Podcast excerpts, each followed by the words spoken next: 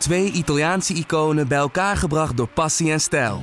Peroni Nastro Azzurro 0.0 is de trotse nieuwe teampartner van Scuderia Ferrari. Doe mee met ons en de meest gepassioneerde fans op het circuit, de Tifosi. Samen volgen we het raceseizoen van 2024. Salute, Tifosi! Goeiedag, je luistert naar de Boordradio, de Formule 1-podcast van nu.nl. We blikken dit keer terug op de Grand Prix van Spanje, waarvan velen hoopten dat hij de spanning in de strijd om de wereldtitel zou terugbrengen. Maar niets was minder waar. Mercedes was weer ongenaakbaar met Lewis Hamilton als winnaar. Toch was er ook goed nieuws voor Max Verstappen, want hij eindigde knap op het podium voor de beide Ferraris. Over dat en meer gaan we het uitgebreid hebben. En dat doen we dit keer met z'n vieren. Uiteraard zijn het Joost Nederpelt en Patrick Moeken wederom. En zojuist is ook onze verslaggever Bart van Dooijwit aangeschoven. Vers terug uit Spanje, waar hij verslag heeft gedaan van de Grand Prix. En ook nog even sprak met de commerciële Formule 1-baas Sean Bratches over de Grand Prix van Nederland. We gaan het erover hebben in de Boordradio.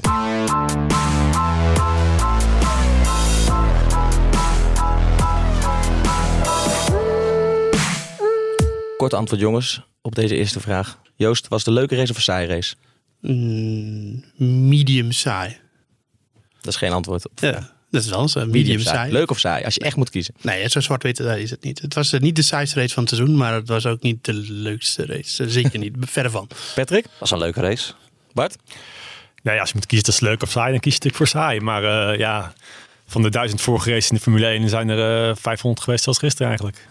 Goed, uh, we gaan het er uitgebreid over hebben zoals aangekondigd. Uh, Bart, laat ik met jou beginnen. Want jij uh, was erbij en ik ben dan ook heel benieuwd hoe de teneur dan in het perscentrum is. Want dit was toch de race waarvan iedereen hoopte. gaat het de spanning weer in de strijd om de wereldtitel terugbrengen? Is funest natuurlijk voor de Formule 1 als het echt zo vroeg beslist is. En het antwoord hebben we wel een beetje, want ja, Mercedes was ongenaakbaar. Hoe, welke sfeer heerste daar? Ja, in Barcelona moest het gebeuren. Alle teams hadden updates bij zich. Uh, Ferrari had een nieuwe motor, hadden ze vier weken vooruit uh, ingebracht dan de planning eigenlijk was. Juist om uh, de hegemonie van Mercedes te kunnen doorbreken, om ze aan te kunnen vallen. En ja, eigenlijk was vanaf vrijdag al duidelijk dat Mercedes gewoon weer de snelste was. En ja, het hele weekend was eigenlijk ontdaan van, van welke spanning dan ook. Dus ja, het was ja, toch wel, je merkte wel een beetje teleurstelling bij, bij veel mensen of zo. Ze hadden wel gehoopt dat het in Spanje uh, zou gaan gebeuren. Dat het een mooie opmaat zou zijn voor spannende races in Europa. Maar het is niet van gekomen helaas. Nee, laten we heel even teruggaan naar de testdagen, Joost. We hadden het hier uh, vooraf aan het podcast al, al kort even over. Toen was de teneur totaal anders. Namelijk, Ferrari is steengoed. Ja, nou, daar blijkt dus niets van waar. Nee, ja, het, het, blijft een beetje merkwaardig natuurlijk hoe het zit met Ferrari. Want uh, um, ze waren ook gewoon goed in die windtest. En ik blijf, ik blijf er ook echt voor overtuigd dat ze toen de zaakjes wel goed voor op orde hadden. Maar ja, daar is gewoon niet zoveel meer van over. En, en nu kun je de, de, Is Ferrari dan blijven hangen of slechter geworden? Of is vooral Mercedes gewoon veel beter geworden? Ja, Mercedes is veel beter geworden. Die hebben echt een paar stappen gezet. Uh, sta stappen die misschien in de wintertest al wel in de pijplijn zaten. En ook aan, na het einde van de windtest, toen zag je ook wel dat Mercedes de snelheid heus wel had. Maar bij Ferrari hebben ze gewoon heel veel moeite om die auto uh, goed voor elkaar te krijgen. En dat, ja, ik heb nu ook wel een beetje het vertrouwen verloren dat ze dat nog gaat lukken. Want uh, als je in, in, in uh, Barcelona dan met, een, met en een nieuwe motor en wat updates uh, komt. En, die volgens Mattia Binotto, de teambaas, allemaal goed functioneerden. Maar dan ben je toch niet, niet bijgekomen. onvoldoende, zei hij in ieder geval Binotto zelf. Ja, dan is het toch eigenlijk wel ontluisterend om te zien dat, dat, dat die vorm gewoon nooit uitkomt. En dat het eigenlijk alleen bij een paar. Uh, dat het alleen bij Bahrein gebleven is, waar ze toen echt wel snel waren. En verder heb ik ze gewoon het hele seizoen nog niet snel gezien. Nee, Patrick, is het uh, uh, denkbaar dat er nu tijdens het seizoen nog zoiets gebeurt als tussen de wintertests en nu? En dan bedoel ik dat de rollen vergeleken met wintertests lijken bijna omgedraaid. Kan het zijn dat we over een aantal races toch ineens veel sterker Ferrari gaan zien dan Mercedes? Of is dat nu eigenlijk uitgesloten? Nou, dat zou kunnen, maar dat is niet uh, zoals we Ferrari eigenlijk kennen. Dit is eigenlijk wel traditioneel Ferrari, alleen gebeurt het nu sneller. Dat ze gewoon uh, aardig beginnen een goede auto lijken te hebben en vervolgens worden bijgehaald door uh, Mercedes en Red Bull. Alleen ja, dat het al zo snel gebeurt, want dit is, ja, dit is ook geen probleem met de setup of zo. Dit is gewoon, dit, dit is de auto gewoon. Ze hebben het op, op alle circuits geprobeerd. In Bahrein waren ze snel, alleen ja, dat, de betrouwbaarheid liet, liet de auto daar in de steek. Dus ja, de, de, de, de mix is gewoon niet goed. Het, het totaalpakket klopt gewoon, uh, is gewoon niet goed genoeg. Nee, en dan kun je in Barcelona eigenlijk altijd het best zien in die derde sector, die bochtige sector. Mm -hmm. En daar uh, missen ze gewoon heel veel, uh, heel veel downforce, heel veel mechanische grip ook. En daar was Mercedes nu ook echt de uitblinkende auto. Dus dat zegt ook wel echt wat over, nou bijvoorbeeld Monaco. Monaco is altijd een, of die derde sector van Barcelona is altijd een goede indicatie van Monaco. En daar verloor Ferrari alles. Ja, je kan in de eerste sector wel twee, drie tienden pakken met topsnelheid, maar het bestaat natuurlijk niet alleen maar uit topsnelheid. Dus ja, ze hebben gewoon. Er is fundamenteel gewoon iets mis met die auto. En dat gaan ze, denk ik, dit seizoen niet meer oplossen. En dat ligt ook vooral denk ik, aan downforce, inderdaad. En mechanische grip. En, en uh, ja.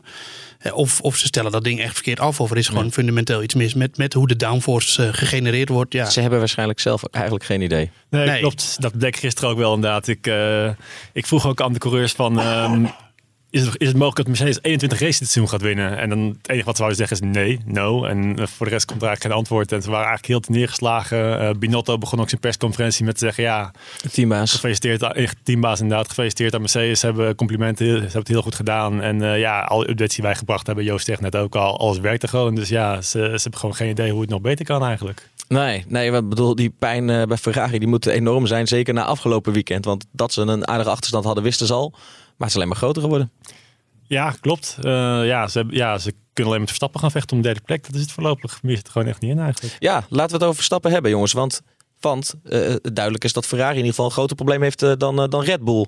Is Red Bull, dat is natuurlijk heel snel na Spanje om te zeggen, maar is Red Bull Ferrari voorbij? Of zitten ze op hetzelfde niveau? Nee, ze zijn ze niet voorbij. Want de kwalificatie stond Vettel gewoon vol verstappen. En qua race pace scheelde het ook helemaal niet zo heel veel. Want uh, de Vettel werd ook echt wel um, uh, tegengehouden door in ieder geval de problemen met die band hè, in, de, in, de eerste, in zijn eerste stint. En daarna was het, het is vooral operationeel weer. Dan komen we weer. Weer het probleem met Ferrari, met die, met die, die teamorders die dan niet op tijd komen, waardoor Vettel veel tijd verloor. Al had Vettel de perfecte race gereden gisteren gewoon, en alles uit zijn race pace gehaald, dan denk ik dat hij voor Verstappen waarschijnlijk. Maar was hij op zijn best derde geëindigd. Maar dat is het probleem met Ferrari, dat gebeurt bijna nooit en dat gebeurt dus nu weer niet. Nee, en wat dat betreft zei het ook wel alles wat er misging in die eerste bocht bij Vettel. Hè? Um, uh, het was alles of niks. En dat bleek ook een beetje uit zijn woorden na afloop.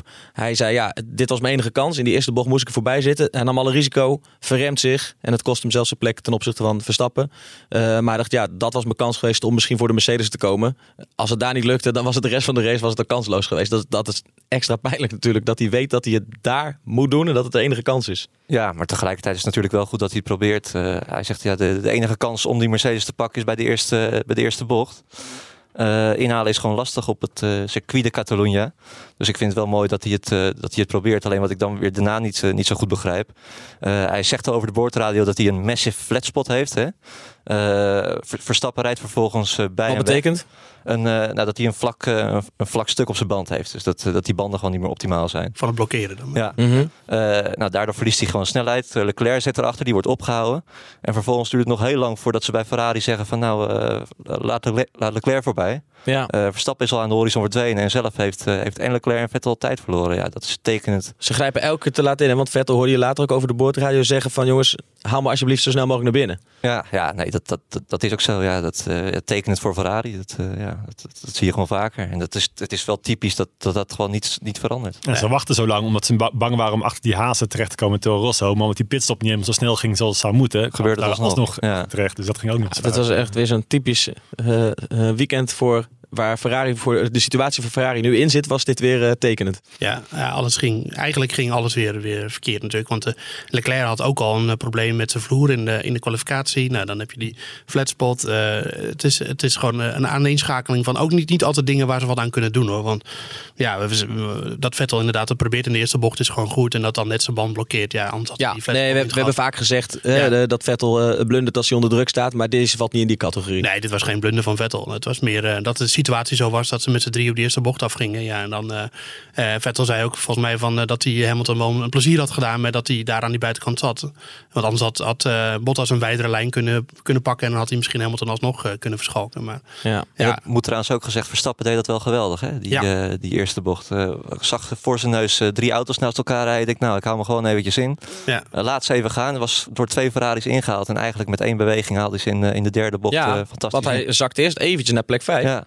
En toen uh, buitenom in die derde bocht, toen had hij ze te pakken en dus lag hij gewoon derde. Ja, nee, uitstekend. Dat is cruciaal uh, geweest voor zijn podiumplek. In split second moet je een keuze maken en hij koos uh, ja, om even te wachten om vervolgens twee stappen vooruit te gaan. En dat zei hij ook na afloop eh, ja, dit, dat heeft mijn race gemaakt. Dit, uh, Ja. Dat was cruciaal. En dat was ook zo. En de Verstappen van vorig jaar had waarschijnlijk anders aangepakt. eh. Ja, Ja. misschien wel. Denken. Ja. Ik wilde het net zeggen, Bart, want jij had eh, voor dit weekend een, eh, een mooie eh, uitgebreid verhaal gemaakt over de Verstappen die eigenlijk drie jaar geleden in Spanje zo'n sensatie beleefde en, eh, en daar heel verrassend won. En de Verstappen van nu, wat is er veranderd? Dit is waarschijnlijk precies wat er veranderd is. ja, ja, Toen was hij er vol in gegaan en was hij misschien met die drie eh, gelijk gaan strijden en waren er een paar gecrashed. En nu zei hij ook na de race zelf van, eh, ja, ik dacht ik hou even in. hij, hij Wat is, niet per se des Verstappers klonk. En daarna kon hij ervan profiteren. ja, hij is gewoon veel meer met eindresultaat bezig, zoals hij zelf zegt. En dat was in Baku eigenlijk ook al. Daar werd hij bij de start eh eventjes ingehaald door Perez. En zei hij, ja, ik had hem kunnen proberen de binnenkant te pakken. Maar dan, dan, dan raak ik hem misschien. Dus dan kan ik er beter achterblijven. Want ik weet toch dat ik sneller ben. En dan kom ik er toch wel langs. En zo was het eigenlijk in Spanje ook een beetje. Voor mij had hij ook niet heel veel dichterbij kunnen komen bij die start. Hoor. Hij had sowieso niet zo'n goede start als Vettel bijvoorbeeld had. Dus ik vond het in dit geval een beetje overdreven. Maar inderdaad, hij wacht dan misschien een klein beetje af. En dan, eh, als hij wel de kans heeft, drie bochten later, dan, eh, dan pakt hij hem wel. En eh, ja, voor de rest gewoon weer een foutloze race van hem. Zoals we eigenlijk al sinds Monaco vorig jaar, eh, was het eigenlijk de laatste fout van hem. Sindsdien is hij eigenlijk... eh, Ja. ja, het wordt een repeterend verhaal. Dat hoorde na de race elke keer zegt dat Verstappen weer fantastisch heeft gereden. En af en toe denk je ook, ja, natuurlijk zijn teambaas die prijst weer de hemel in. Maar het is, het is gewoon terecht. Ja, nee, het is ook. En, nu zie je dat eh, des te beter natuurlijk met de vergelijking met Gasly, die nu wel een beetje op tempo is, maar nog steeds gewoon eh, echt geen partij kan bieden aan Verstappen. En dat, eh, ja, dat is wel de, de, de, de absolute indicatie van, van hoe goed Verstappen momenteel bezig is en hoeveel hij wel niet uit de Red Bull haalt.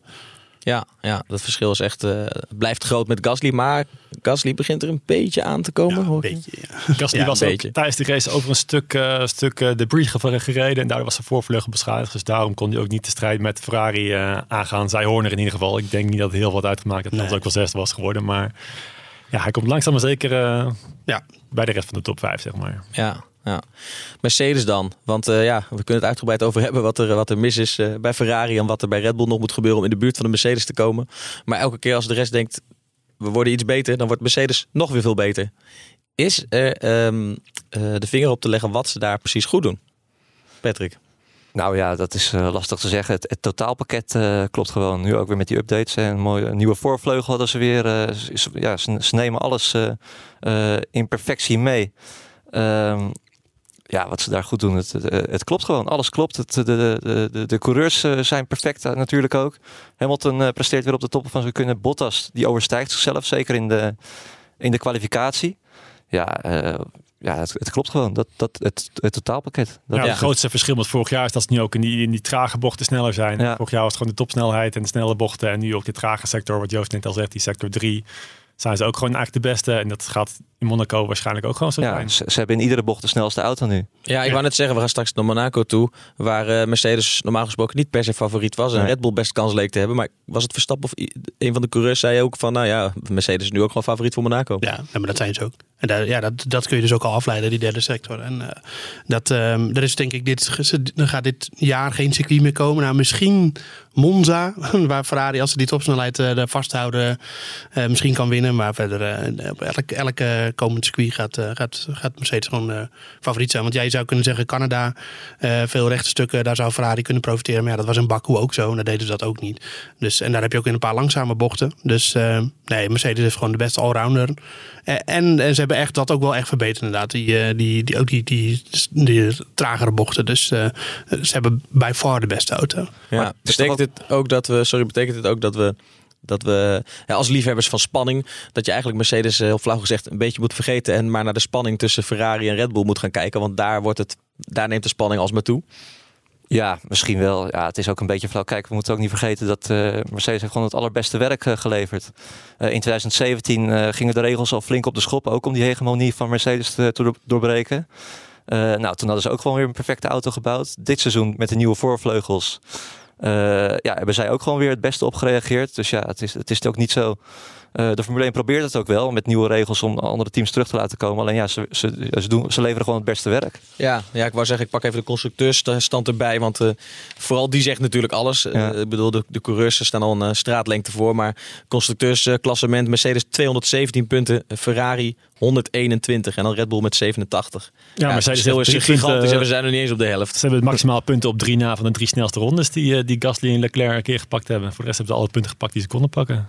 Zijn er eerdere, eh, Joost, jij met jouw geschiedkundige Formule 1 kennis, zijn er eerdere seizoenen eh, geweest die vergelijkbaar zijn hiermee? Dat het zo vroeg het verschil zo gigantisch was? Ehm, nou, dan denk ik toch wel een beetje aan de topjaren van Ferrari met Schumacher. Toen, maar dan Maar ja, dat was altijd één auto. was het altijd Schumacher. Die, eh, En, en, en eh, ehm, 88, ehm, McLaren, Senna, Prost. Vettel bij Red Bull ook wel toch? Vettel, ja, dan was het, dan was het ook va- vaak alleen Vettel. Dan had Red Bull, eh, of hij had, eh, we hebben nog wel moeite om de, de rest voor zich te houden. Ja, maar, ook- precies. maar dat overduidelijk bij de auto's. eh, Maar ook nog wel in, de, in 2014 toch? Ook Ja, ja. Mercedes gewoon. Dat het Ja. zo, daar, daar denk, doet het mij een beetje Ja, aan maar denken zelfs, zelfs daar gaan ze nu nog weer overheen. Met, eh, met, met eh, natuurlijk 5-1-2 zei de eerste. Dat, was het, dat is het toen ook niet gelukt in geen enkel seizoen. En toen waren ze wel ja, vergelijkbaar dominanter. En eigenlijk zaten ze toen in bepaalde races misschien nog wel verder voor dan nu. Ja, Maar eh, ja, het is, nee, ik, eh, het is gewoon eh, een zeer dominant team momenteel. in hoeverre heeft dit met geld te maken? Ik bedoel, ik weet dat Mercedes veel meer geld heeft dan Williams, Ja. bijvoorbeeld. Ja. Maar ehm, eh, als je Mercedes, Ferrari en Red Bull met elkaar vergelijkt. Nou, qua geld eh, hebben ze niet veel meer dan Ferrari te besteden hoor. En ook niet. eh nou, Red Bull. Sterker nog, Ferrari wordt meer gespekt door, het, eh, eh, Ja. ja. door de Formule 1. Vanwege de historische waarde is een beetje ingewikkeld. Het Ja. Concord Agreement heet dat.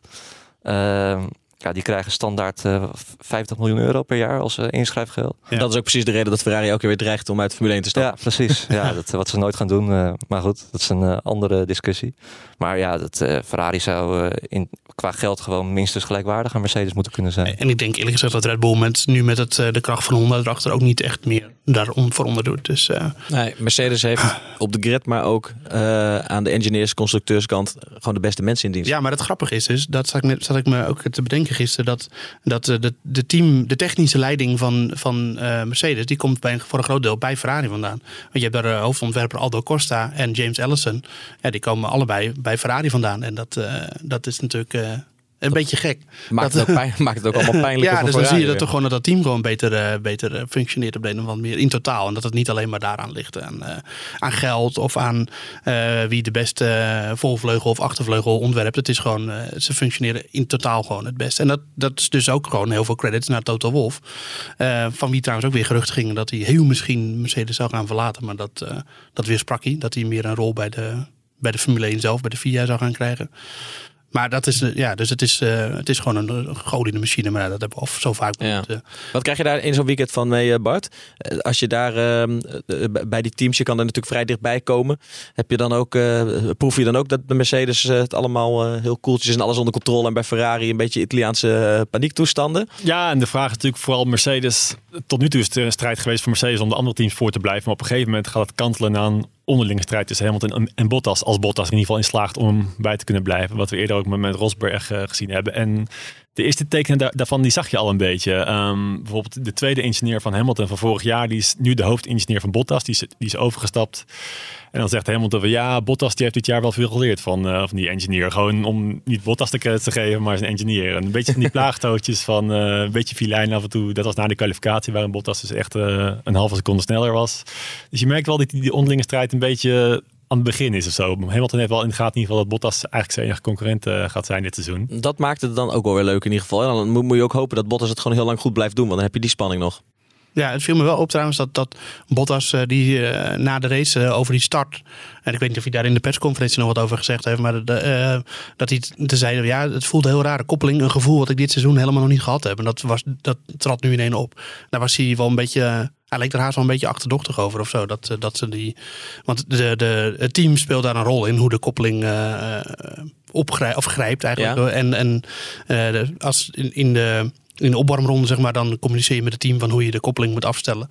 En nu vond hij ineens dat de koppeling heel raar reageerde. En dat, dat Hamilton, ik wil niet insinueren dat hij ge- eh, gehinderd is door hoor. Maar dat leek hij zelf, hij leek wel een beetje achterdochtig Ik daarover. wou zeggen, dat insinueer je nu wel, Joost. Ja, maar wat Bottas zelf letterlijk zei was inderdaad de koppeling die heeft mijn start eh, verpest. Die begon te trillen en dat heb ik nooit meegemaakt. En eh, ik wil nu niet één iemand specifiek de schuld geven, maar we moeten wel onderzoeken hoe het komt, zodat het nooit meer kan gebeuren. Ja. Dus Ah, Oké, Ja, Bottas er suggereerde wel een beetje van, ik vertrouw dit niet helemaal. Nee, ik, precies. Ik zeg niet dat hij, dat hij gehinderd is door team. Maar ik denk wel dat hij dat heel klein Dat hij beetje dat dacht. gevoel een beetje, dat proeft Ja. hij een beetje. Ja. Dat hij benieuwd is, hey, hoe zit dit? Ja, Ja, dus, ja. maar het zou wel heel vroeg in het seizoen zijn ook weer uh, voor het team om te denken... we moeten Hamilton een beetje helpen, want anders wordt het ingewikkeld tussen die twee. Dat kan me niet dat, voorstellen. Dat lijkt me ook niet hoor. Nee, nee. Maar dat zijn dat ik meer om aan te geven dat er wel wat spanningen zijn uh, tussen die twee.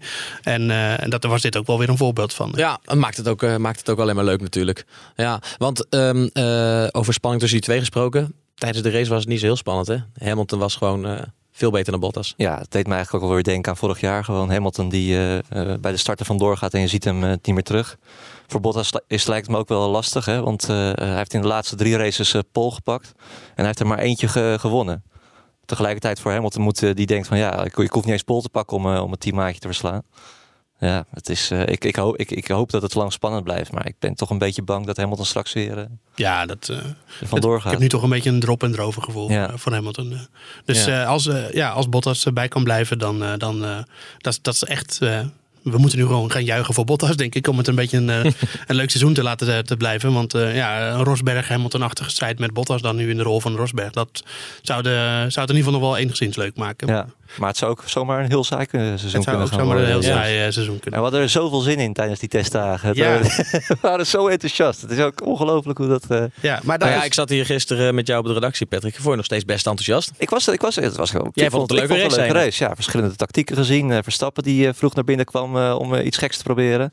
Uh, ook wel in je achterhoofd hebben dat uh, het in Barcelona nooit uh, spektakel is als het gaat om 1-0 acties. Nee, want laat, laten we daar, dat is goed dat je daarover begint, want laten we daar even wat dieper op ingaan, op de strategie van de teams. Want zeker als Mercedes zo ongenaakbaar is, puur op, op snelheid en op kwaliteit van de auto, um, dan, wordt, um, dan moeten Ferrari en Mercedes, sorry, Ferrari en Red Bull af en toe een, een, list verzinnen om ze toch te kloppen. En dat kan hem natuurlijk in de strategie zitten. dat probeerde Red Bull eigenlijk al met Verstappen dit ja, weekend. Ja, die ging al, Verstappen die die koos voor een andere tactiek. Iedereen ging voor de mediumband en Verstappen die ging voor de softband. Uh, toen dachten we van nou, Verstappen gaat als enige een twee-stop-strategie rijden. Uiteindelijk, uiteindelijk bleek dat die banden gewoon niet lang genoeg meegingen voor een, uh, voor een één-stop-strategie. Ja, ook bij de anderen dus niet. Ja, en dat hadden ze, moet ik wel weer zeggen, bij Red Bull, dat hebben ze daar al perfect op orde, die, die strategie. Want wij dachten allemaal van nou, wat doen ze nou en hoe kan dit nou? Van soft naar soft. Ja, en zelfs Verstappen twijfelde wel, want die was ook niet, het zag er niet naar uit dat hij, dat hij, hij, was, hij was gewoon niet sneller dan, dan de rest. Verstappen zei over de boordradio, guys, volgens mij hebben we de verkeerde ja, bandenkeuze ja, gemaakt. Ja, en toen zeiden ze al bij Red Bull van nou, nou volgens, ze zeiden zo van nou, we kijken nog even aan en ze waren daar niet in paniek of zo. En uiteindelijk, uh, ja, iedereen kwam ook in de, in de problemen en ook wel door die, door die safety car uh, maakte iedereen nog een extra stop. Maar uh, ja, bij Red Bull hadden ze al lang gezien dat een één-stopper er gewoon niet in zat. En dat vind ik altijd leuk. Je moet iets, iets dieper er, naar de materie kijken. Maar dat, ik vond het, ja... Er gebeurde wat onvoorspelbaars. Precies, ja, ja, ja. ja, maar het is wel, je, je zei net een, een list verzinnen om Mercedes uh, te verslaan. Maar dit, ik heb wel het idee dat Red Bull en Red Bull vooral bezig is momenteel met Ferrari verslaan. En dat ze zelf ook wel weten dat ja, Mercedes... Ja, maar ze namen wel een risico daarmee natuurlijk. Jawel, ze kwamen wel ja. achter Ferrari terecht. Ik, ik had juist wel het idee dat ze dit deden om misschien ook Mercedes uit de tent te lokken. Ja. Stappen reed toch een beetje in niemandsland. Die Ferraris waren vooral naar elkaar aan het, uh, ja, nou, ik, aan het kijken. Ik denk toch wel dat, het, dat ze bij Red Bull realistisch genoeg zijn om te weten dat ze, dat ze dan wel een hele goede strategische list moeten hebben om Ja. Mercedes ook... Uh, Ja, maar to- toch dan ook- moet het ook echt een beetje meezitten met een safety car op het goede moment. En die kwam nu natuurlijk helemaal niet op het goede moment. In ieder geval niet voor Bull. Nee, die safety car jongens. Want ik heb jullie bijna elke week horen roepen, bijna elke race roepen. We hebben een safety car nodig. Het zou lekker zijn als er een keer niet de virtual safety car, maar een echte safety car komt. En nu was hij er. Ja, maar het te laat. het safety car, Verkeerde moet, moment. eh, safety car moet vroeg in de race komen in ieder geval. Kijk, het, het, het enige... Maar het werd er nog wel even leuk doordat Ja. het veld in elkaar schoof en doordat Verstappen moest verdedigen, wat hij uitstekend deed. Ja, zeker. Eh, en, daar, en dat vond ik dan ook wel weer een indicatie dat, eh, dat, dat eh, Red Bull Ferrari niet per se voorbij is. Want Vettel kon gewoon wel bij Verstappen blijven natuurlijk met, met soortgelijke band. Nee, maar tegelijkertijd zijn ze is, eh, ook wel weer wel. Want Verstappen reed in die, juist in die derde sector weer weg bij... eh, Ja, in de bij- derde sector wel, maar over de totale ronde was, was, bleef het gat steeds een beetje gelijk. En op een gegeven moment had Vettel het ook wel bekeken, had ik het idee. Maar eh, ja, nee, het is in ieder geval zo. Ik, ik heb niet het idee dat, dat... Ik denk dat Red Bull vooral naar Ferrari kijkt en Ferrari momenteel vooral naar Red Bull. En misschien die kijken die juist nog wel te veel naar Mercedes. En zouden ze zich ook gewoon meer op Red op Red Bull moeten richten, omdat ze weten dat... ja, Mercedes gaat Ja. het er niet meer bijhalen. Ja, ik weet niet, Bart, jij was er natuurlijk bij. Ik had juist wel het idee dat ze bij Verstappen, eh, Verstappen ook... Die zei, ja, we moeten ons nu focussen op Mercedes, hè, toch? Of dat... eh, Nou, op lange termijn gaan ze zich wel op Mercedes focussen. Ja, ze zullen wel moeten natuurlijk, want dat is de benchmark. Eh, en Helmut Marko had ook wel een nieuwtje over dat ze de, de, een echte partymode gaan krijgen. En dat eh, is of in België of in Italië, zei hij. Maar ja, dat was het toen al... eh, Maar dat is, ook niet helemaal, het is ook niet helemaal toeval dat Helmut Marko dit zegt, toch? Nee, Die is wel vaker iets te optimistisch. Ja, maar dan zouden ze in de kwalificatie ook de strijd aan kunnen gaan met Mercedes en Ferrari. En ja, dat, dat ze daar nu zo vroeg het seizoen al over hebben, dat dan misschien het gaat kunnen, zegt ook wel inderdaad hoe groot het verschil gewoon is. En dan drukt Mercedes nog even op de knop uh, voor hun, uh, hun party, party, party mode. en dan is dat nog gebeurd waarschijnlijk. Maar goed, er, is wat dat betreft nog hoop. Het, het is ook wel mooi dat, dat ze dat gewoon uitspreken bij Red Bull. Dat ze verwachten dit seizoen echt nog wel serieuze stappen te zetten. Ja, maar Red Bull is wel echt veel meer bezig gewoon met 2020. Hoor. Dit, is, uh, dit is voor hun gewoon een, een jaar om Honda goed te leren kennen. En om voor Honda om, om te wennen aan prestaties op echt uh, vooraan, zeg maar. En dat, en, en, maar 2020 moet dat natuurlijk gewoon gebeuren. Die, die hebben echt niet de illusie dat ze Mercedes dit jaar nog helemaal gaan bijhalen. Ja, dat, nee. dat, dat, dacht ik ook, Joost. Maar als ik Verstappen ook eh, naar die kwalificatie hoor, die was echt teleurgesteld. Hij zei, ja, weer derde. En als we zoveel updates meebrengen, dat, dat, eh, ja, dat hadden we toch wel meer verwacht. En, na, na de Red Bull denkt dat misschien. Maar ik heb niet het idee dat Verstappen dit ziet als een overbruggingsjaar of zo. Nee, maar Red Bull bouwde de auto. Die maar, Verstappen niet. Ja. Maar Verstappen was na de kwalificatie inderdaad heel teleurgesteld. En na de race was hij ook inderdaad op ruim afstand van Mercedes en was hij heel tevreden. Dat was ook heel gek eigenlijk. Ja, maar Ik bedoel niet dat, uh, dat, dat Verstappen, of tenminste, dat ze nu niet hun best doen of zo bij Red Bull. Of, en Verstappen niet. Natuurlijk wel, ze halen alles uit wat erin zit. Maar ze zijn volgens mij wel realistisch genoeg om te weten dat ze Mercedes dit jaar, zeker nu de situatie zoals die nu is, niet gaan bijhalen. Nee, maar Red Bull misschien. Maar toch bij Verstappen proefde ik dat. dat nee, ja. Elke keer als hij een voor een Mercedes kan eindigen, dan zal hij dat niet nalaten. Ja. Maar, maar, maar dat is ook een beetje Verstappen. Hè? Dat zit natuurlijk ook, ook in hem. Dat maar hij ik, toch, vind wel, ik vind het wel opmerkelijk. Want als, als, als ze dit echt bij Red Bull zien als overbruggingsjaar, dan neem ik aan dat ze dat toch ook wat uh, bij Verstappen in zijn hoofd hebben geprent. Van nou jongen, uh, hou er rekening mee dat wij Mercedes niet gaan bijhalen. Maar als je ziet hoe teleurgesteld hij was uh, na die ja. kwalificatie. Ja, ze wisten vooraf ook niet dat Mercedes zo goed te zijn natuurlijk. Nee. Dus nee en is Verstappen niet ook gewoon iemand die doet niet aan overbruggingsjaren? ja, die wil dat, die nee, wil dat sowieso. Ja. Nee. Ja, maar want die WK-stand, ik pak even de WK-stand erbij, jongens. Want inderdaad, je zegt terecht, uh, het gaat nu vooral om, om, best of the rest te zijn in eerste instantie. Hè? Uh, met, het, met de hoop dat ze in een paar races misschien Mercedes kunnen verslaan. Uh, Verstappen is gewoon best of the rest. Hè? Hij staat nu derde in de WK-stand. Twee puntjes voor, voor Vettel. Dat is, gewoon, uh, dat is gewoon uitstekend. En daar hadden ze voor dit seizoen uh, denk ik voor getekend uh, bij Red Bull. Als je ziet met de nieuwe Honda motor en hoeveel vraagtekens er waren. Ja, ja maar nog even, heel even terugkomend op de term overbruggingsjaar. Dat klinkt een beetje verkeerd. Maar het is meer dat, je gewoon, dat het niet realistisch is om te denken dat Red Bull en Honda dit seizoen al gaan strijden om de titel. En dat, ja, dat, dat hebben ze volgens mij dat hebben ze nooit gezegd. Helmoet Marco misschien een keertje in een, een opwelling. Um, maar ja, dus het, is, het, is, het is gewoon de situatie is zoals ze is. Honda, Red Bull Honda moeten zich echt gaan richten op 2020 en dan moeten ze er echt gaan staan. Helder. Ja. Um, laten we nog eventjes kijken naar het, uh, het middenveld, waar ook nog wat leuks gebeurde, vooral met Haas, dat sterk voor de dag kwam. Ja, ik denk dat uh, Kunther Steiner zich weer had uh, op zitten vreten aan de... Aan de ja. Want niet schelden in de podcast, maar uh, nee, die, had, die had er wel een paar uh, superlatieven uitgegooid. Uh. Grosjean die had een mooie vluchtroute ontdekt. Een soort Mario Kart ja. afnijbocht had hij. Om dat pionnetje nog heen? Ja, ja, dat, ja, drie keer heeft hij het gedaan volgens mij. Ja. Vol over die drempel heen met de auto. Dus, maar ze hadden echt de, de beste updates haast. Ze hebben de, van ja, alle teams die updates in Spanje brengen, hebben zij het beste gedaan. Waren in de kwalificatie veel sterker uit het middenveld, half seconde voor. En zaten dan twee tiende achter Gasly en Red Bull. En dan wordt er ook gevraagd van, nou kun je misschien Red Bull aanvallen? En dat nou, zal wel een beetje saai race tussen ons tweeën worden. De, wij, wij mm. de top 6, dan wij en dan de rest. Dat verwachten ze dan. En dan wordt er gevraagd van, gaan jullie met z'n tweeën racen? En zeggen, ja, we hebben pas zes punten gehad dit seizoen of zo. Dus laten we dat niet doen. Laten we gewoon die punten gaan binnenbrengen. en toch zie je het weer fout gaat. ja. maar ja, dat is ook een beetje coureurs eigen, denk ik. Ja. Dat, uh, ja, je gaat niet settelen als je de tweede coureur van de Haas bent. Ja. Uh. Maar Magnus zei een dag voor de wedstrijd nog letterlijk van... maakt niet uit of we zevende achtste worden of ik zevende of achtste word... als we samen maar zevende achtste zijn. Ja, en dan precies, toch, ja. uh, nou, dat uh, was tijdens de race niks van te zien. nee, zo denkt Magnus volgens mij in de praktijk niet. Nee, eigenlijk had Grosjean alles onder controle tot dan die safety car. En toen kreeg je ineens Magnus over zich heen. En, maar het was niet zo dat ze echt ver voor lagen op de rest natuurlijk. Want uh, volgens mij de, uh, de Toro Rosso's ombeurten met de McLaren, die konden ze toch wel een beetje bijhouden. Dat is eigenlijk een leuke strijd. En ik vind dat Toro Rosso ook wel echt opvallend goed presteert uh, dit seizoen. Ja, ook Fiat, moet gezegd. Ja, dus toch echt wel, ze heeft echt wel de snelheid. Dus, en McLaren, ja, dat is natuurlijk de vorige keer ook al gezegd. Het bewijs dat het met de Renault motor zelf misschien niet zoveel aan de hand is. Maar, want zij treedt toch gewoon meer keurig in de punt. Ja, dit is een mooi bruggetje, Joost, naar de uh, luisteraarspost.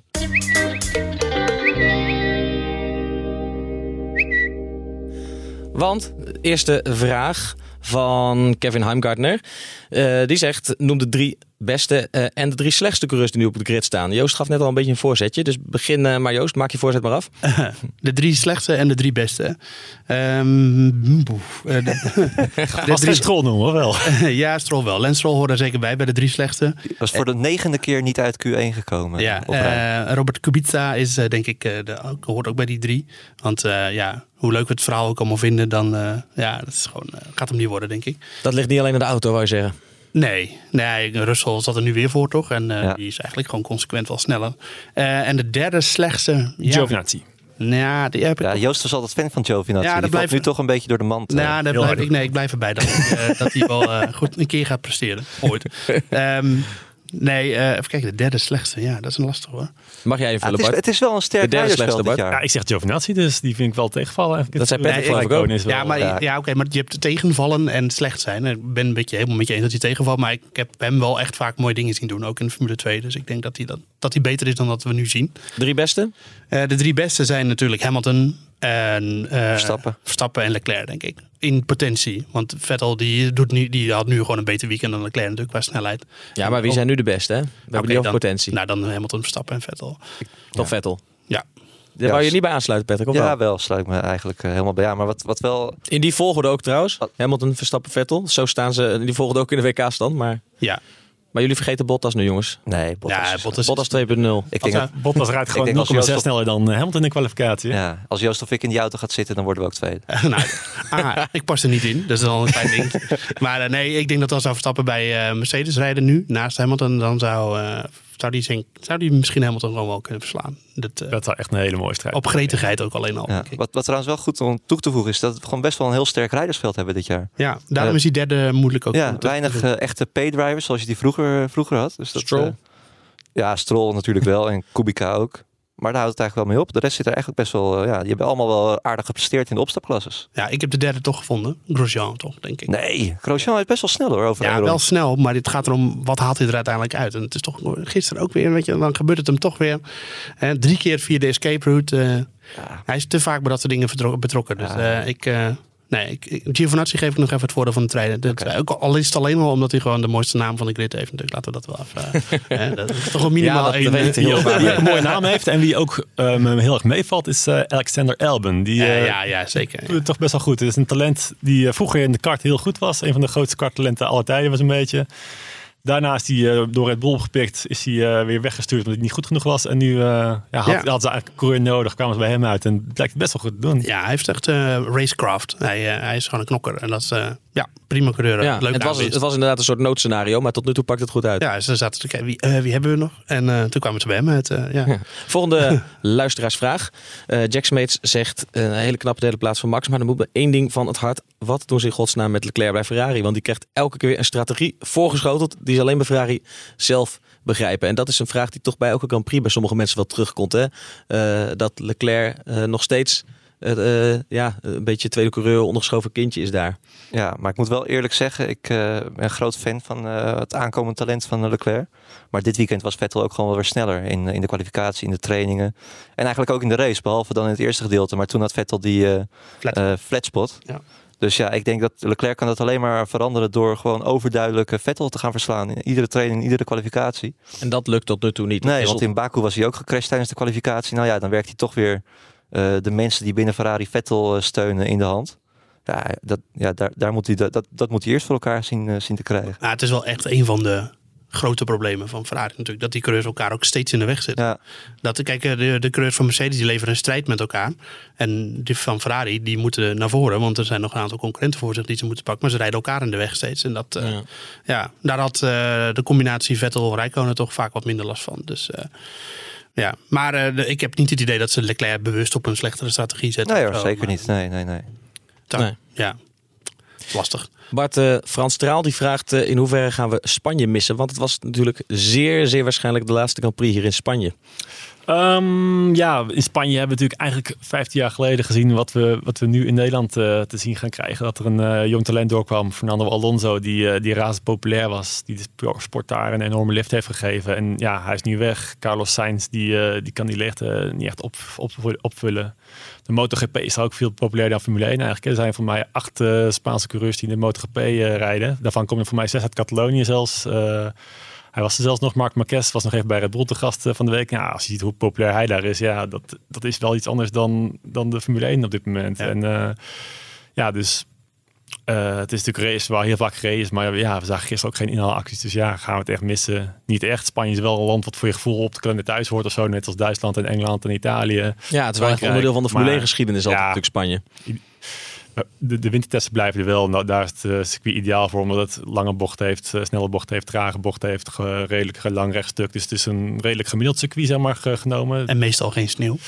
meestal niet. De ene keer dat jij er was, uh, twee jaar geleden wel. Ja, hè? ja, ja, nee. Maar is het niet gek dat de wintertests daar dan wel blijven, terwijl er niet meer geraced wordt, of is het volstrekt logisch? Nee, juist niet, omdat het best wel een gemiddeld circuit is, wat ik net zeg. Dus ja, je alles. kunt er allerlei, allerlei dingen mee testen. Dus, Ja. Dacht Nee, het, eh, zolang het weer daar een beetje normaal eh, is, dan is het gewoon eh, de ideale locatie. Ja. Eh, in Zuid-Spanje hebben ze ook nog wel vaak getest. Maar eh, Ja. ja, het is voor, voor de Formule 1. Het is allemaal voor iedereen bereikbaar. En, eh. En het goede nieuws, voor ons is het natuurlijk helemaal niet erg dat Spanje verdwijnt. Als dat betekent dat Zandvoort terugkeert op de kalender. Waar het eh, met aan, aan zekerheid, eh, zekerheid grenzende waarschijnlijkheid eh, Ja, deze week naar buiten gaat komen. Ja, ja. Eh, Bart, jij hebt daar ook nog eh, Sean Bradges gesproken met een paar andere journalisten. Want die, die, die zagen jullie daar ineens rondlopen. Dat is de commerciële baas van Liberty Media, de eigenaar van de Formule 1. En die liet niet helemaal achter zijn tong, zijn zien, geloof ik. Maar hij komt naar Nederland deze week. Ja, klopt. Eh, we vroegen inderdaad eerst van, eh, ja, Zandvoort heb je nog nieuws, is het al rond? En zei ja, het is nog steeds niet officieel. De kardinalen zijn nog steeds aan het vergaderen. En ja, ik kan nog niks zeggen zolang het niet officieel is. Maar zei, ja, ben je volgende week wel in Nederland dan? Want inderdaad, de geruchten zijn dat dinsdag bekend gaat worden. En eh, toen begon hij heel hard te lachen en toen moest hij dat wel bevestigen. Toen vroeg we ook nog van, ja, wat ga je precies doen in Nederland? En zei hij, just drinking. dus, eh, Hij heeft wel humor. hij heeft wel humor, zeker. Het is echt een, eh, bijna een soort cowboy, hè? Dikke, dikke bakkenbaarden en zo. En eh, van die puntschoenen heeft hij. Dus het is een mooi figuur om, om te zien. Eh, en ja, hij praat ook gewoon heel kleurrijk. En ja, gewoon grapjes maken en zo. Maar eigenlijk deed hij geen moeite om te ontkennen dat het gewoon eh, gaat gebeuren. En hij zei niet, dat alleen niet waarvoor hij precies naar Nederland komt, behalve dan om te drinken. Want het schijnt dus dat er morgen zou er een persmoment zijn of een aankondiging. Ja, Hè, dat dat eh, komt via verschillende kanalen al, eh, eh, al naar buiten de laatste dagen. Maar officieel is er nog niks aangekondigd. Hè? Wij dachten ook, vandaag zal er misschien, eh, het is nu maandag, zal er misschien een, eh, een persbericht komen van kom allemaal morgen naar Zandvoort. En dan weten we hoe laat het is. Maar dat is nog niet zo ver. Eh, Hoe zit dat Patrick? Ja, nou, eh, ik denk dat wat Bart net vertelt eh, eigenlijk al genoeg zegt. Dat, eh, of ze dat nou met een eh, persconferentie gaan doen of met een, eh, een mooi filmpje op het, eh, via de officiële Formule 1 kanalen, dat, eh, dat, dat weet ik niet. Maar dat, dat het er gaat komen lijkt me eh, ja, een formaliteit. Ja, dus ze bevestigden dit weekend wel dat er eh, twee nieuwe races bij komen eh, en, ehm, eh, en twee verdwijnen, want het blijven de 21. ja klopt. Dat, eh, dat heeft VIA ook eigenlijk officieel gezegd. De, eh, de verwachting is dat ook Mexico eh, gaat verdwijnen. Maar Verstappen dus al twee keer gewonnen heeft. Ja, Dus en dat- Vietnam is al aangekondigd. Ja. klopt. Dus eigenlijk weten we het allemaal. Nee, Ja. natuurlijk. eh, het is allemaal... ja, het is bekend zonder dat het bekend is. Maar eh, publiek, publiek geheim heet dat. eh, Ja. ja. Blijf wel steeds ongelooflijk vinden hoe, hoe, dat, hoe het überhaupt heeft eh, kunnen gebeuren. Dat we opeens een eigen Grand Prix hebben. Ja. Dat je toch twee jaar geleden niet kunnen bedenken. Het Max Verstappen effect, hè? Ja. Ja, maar ook gewoon Zandvoort, eh, het, toch niet het meer het, mo- het modernste circuit. Hè? Een Wel- paar jaar geleden hoorde je over Zandvoort elke keer van nee, dat is al lang niet meer geschikt. En nu is dat allemaal geen probleem meer. Dus Nee. ik, ben, ik ben heel benieuwd. Nou, ik vind Ja. het toch wel, toch wel mooi dat, dat, dat de Formule 1 blijkbaar toch die historische waarde eh, eh, hoog in het vaandel heeft, heeft staan, staan. Zelfs met de, de commerciële eh, Amerikaanse Ja, eigenaar. ja, en dat Zandvoort dus kennelijk ook een heel goed plan heeft overlegd. Absoluut, ja. Ja, want nee. de infrastructuur daar aan zee, dat is natuurlijk wel een probleem. Ja, als maar- coureurs naar vragen, een teambaas, die zeggen, ja, het wordt heel leuk met die oranje fans en zo. Dat Ja. zal een groot gekhuis worden. En eh, ja, je ziet nu al dat Verstappen elke race eh, honderden, duizenden toeschouwers eh, trekt. Maar de races die, die, die zullen gewoon optochten worden verwacht. De kwalificatie wordt heel belangrijk en inhaal is... Het is ja, smal, hè? Echt Ja. onmogelijk. De vergelijking eh, met Monaco eh, werd wel een beetje... Monaco met geen bakken zijn. Ja. ze, ja. ja, Maar wat, Joost, jij zei ook van de week dat ze nog wel wat gaan veranderen aan het circuit. Maar dat is nooit genoeg om, Nou. het, om het nog ineens spektakel te maken. Nou, of ze misschien een chicane gaan toevoegen of zo, dat zou kunnen. Maar, eh, Verbreden? maar ze kunnen niet, het is niet zo dat er een, eh, nou verbreden wordt denk ik heel lastig. Want als je het gaat verbreden, dan komen de vangrails ook, dan moet je die ook verbreden. Dus eh, In theorie kan dat toch? Volgens mij ligt er een plan klaar dat, dat ze wel een aantal bochten fl- flink gaan aanpassen. En ook opkomen rechte stuk inderdaad wel breder gaan maken. nou, dan mogen ze er wel eens mee gaan beginnen. Ja, en volgens mij gaat vanaf januari gaat het hele circuit eh, eh, van drie maanden op slot. En dan gaan ze grondig eh, Ja. verbouwen. Maar ik, ik vind nog helemaal niet dat je kan zeggen eigenlijk dat, dat we daar een eh, saaie race gaan krijgen. Of dat het eh, lastig inhalen is. Eh, het Nederlandse weer, het regent hier altijd. Nou, waarschijnlijk krijgen we eindelijk weer eens een regenrace te zien. Ja. Fantastisch. Nee, maar even realistisch gezien is het natuurlijk wel Het- zo. het dat- is, al- als je op dit circuit een Formule 1 race zou houden, ja, dat, dat, dat zou niet... eh, eh, maar het is niet zo dat- We weten nog niet hoe het dan tegen die tijd Nee, vlag er ik- precies ik- bij hangt. precies. Juist daarom wordt deze week en de komende weken zo cruciaal dat ze die plannen verder gaan ontvouwen. En Ja, maar het is niet zo dat ze het circuit in één eh, veel langer kunnen maken of zo. Dat ze er allerlei bochten bij kunnen gaan tekenen, want die ruimte hebben ze helemaal niet. Nee. Dus dan, eh, ja, want ze zitten tegen het Centerparks aan. Nou ja, die, eh, die ik denk niet dat die eh, een paar huisjes gaan opofferen voor een, eh, voor een extra bocht. Ik denk dat juist meer huizen willen gaan verhuren. Ja, daarom. Die, Dus, hebben, die horen de kasten al rinkelen daar natuurlijk. Maar, Maar nee, maar het is niet zo toch dat ze in één het circuit veel geschikter kunnen gaan maken voor de Formule. Het is een beetje zoals het is. Wat, wat, wat denk je dat ze dan gaan doen? Ja, ze, nou, ze, ja, ze moeten toch wel een plan hebben. Het, Zandvoort weet toch zelf ook wel hoe een eigen circuit erbij ligt. Nee, dat Het is, het maar ik heb het even puur over het verlengen of het verbeteren van het circuit qua... qua Ja, jij bedoelt, ze kunnen een plan hebben, maar zoveel ruimte hebben ze Nee, niet. het is niet zo dat ze een, eh, weet ik veel, twee, een, een, een, een, een hele lus bij kunnen gaan bouwen. Dat kan helemaal niet. Er is helemaal geen ruimte voor. Ik denk gewoon dat we het in Zandvoort eh, vooral van het weer moeten hebben. Als we vijf jaar op rij in mei een Grand Prix hebben, dan gaat het twee keer keihard regenen. En dan, eh, Ja, nee, het, het, het, het is ik, het, Vettel. Nee, het is een eh, groot verschil met. eh, eh, ik zit even aan, aan het Tour de France bijvoorbeeld te denken.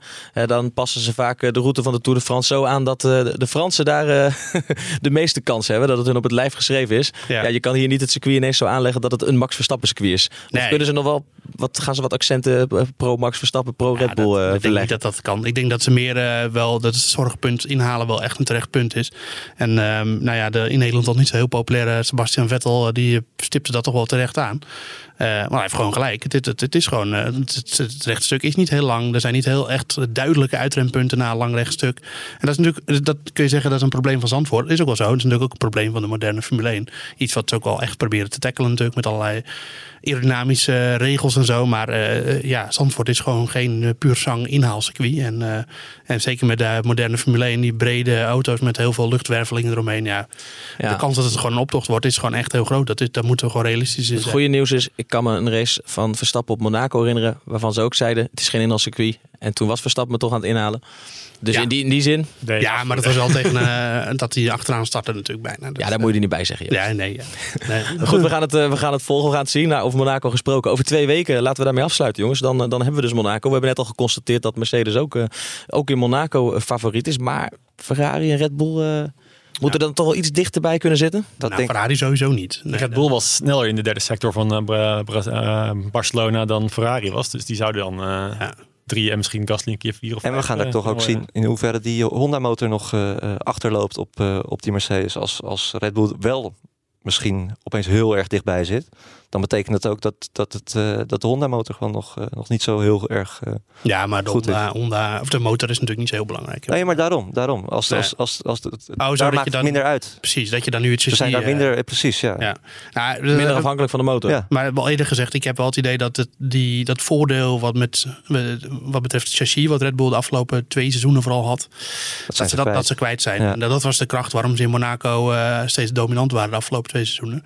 Eh, tenminste, vorig jaar zeker sowieso. En eh, ja, nee, eh, Mercedes een walk in the park echt. Die gaan daar gewoon makkelijk winnen. Hamilton wint in Monaco, dat zeg jij. Of Ja. Bottas. Hamilton. Hamilton. Bart? Bottas. Verstappen. Patrick? Verstappen. Jij blijft erop houden. Ik het, het, het, het als ze ergens wel een kans hebben, is het wel hier. Dus laten we hopen dat ze ook in deze twee weken weer gaan mocht doorontwikkelen. gisteren drie races noemen waar hij dacht Mercedes nog misschien uit te kunnen dagen. Moet Ja? heel lang nadenken. Was het Monaco, Singapore, Mexico, Sorry, wie zei dat? Verstappen. Oké. Oké, Monaco, Mexico, Singapore. Ja, dus de rest gaat Mercedes sowieso winnen, kunnen we eigenlijk concluderen. Die drie, eh, En daar houdt hij nog eh, hoop. Nou ja, wie weet. We gaan het, eh, we gaan het zien eh, over twee weken. Wij gaan het eh, hier eh, voor nu bij laten. Maar niet voordat ik gezegd heb dat Joost Nederpelt de winnaar is eh, van onze... eh, we- de weekwinnaar is van ons GP-spel. Ja, ja. Hij heeft, ehm, hij heeft- Ondanks hij het heeft eindelijk tegenvallende toegeslagen. Rijkonen. Ondanks de tegenvallende Rijkonen die Ja. hij ook in zijn team had. Eh, dus Joost begint richting, naar de, richting de top eh, te Nou, kruipen. Ehm, jullie kunnen zelf natuurlijk ook meedoen aan het GP-spel. Eh, ook een vriendenleague. Je kan ook tijdens het seizoen nog instappen. Hartstikke leuk. Maakt, eh, maakt ook saaie races eh, leuk. Kan ik, er, eh, kan ik erbij zeggen. Tot slot vergeet je niet te abonneren op deze podcast. De Boordradio dus via iTunes of je eigen favoriete podcast-app. Bedankt voor nu. Wij blikken natuurlijk weer uitgebreid terug naar de Grand Prix van Monaco over twee weken. Dag.